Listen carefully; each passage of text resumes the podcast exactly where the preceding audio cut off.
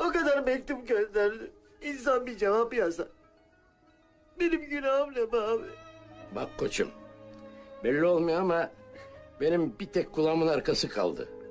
Artık acı çekmekten ve acı çektirmekten zevk almamayı öğrendim. Sevgililer. Bizim olanlar ya da olmayanlar hepsi iz bırakır.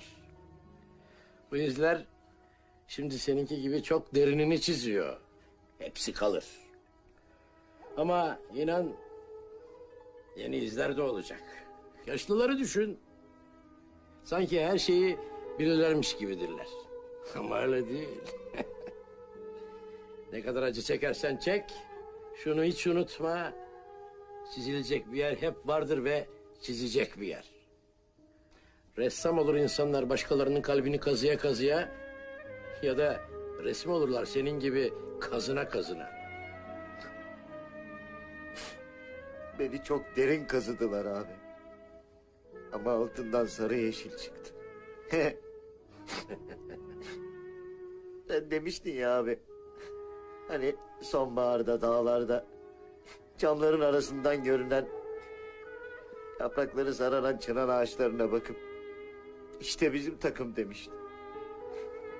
İşte bizim takım o abi. Bizim takım.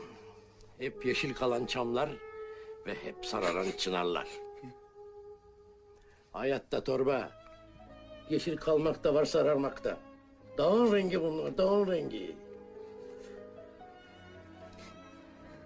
Neyse.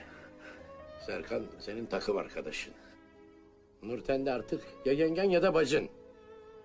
O artık yok. Belki de hiç yoktu. Hadi. Sil gözlerini. Bu kadar diyet yeter.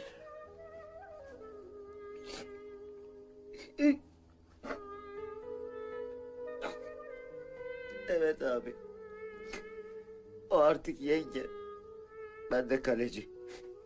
Kaleci torbası.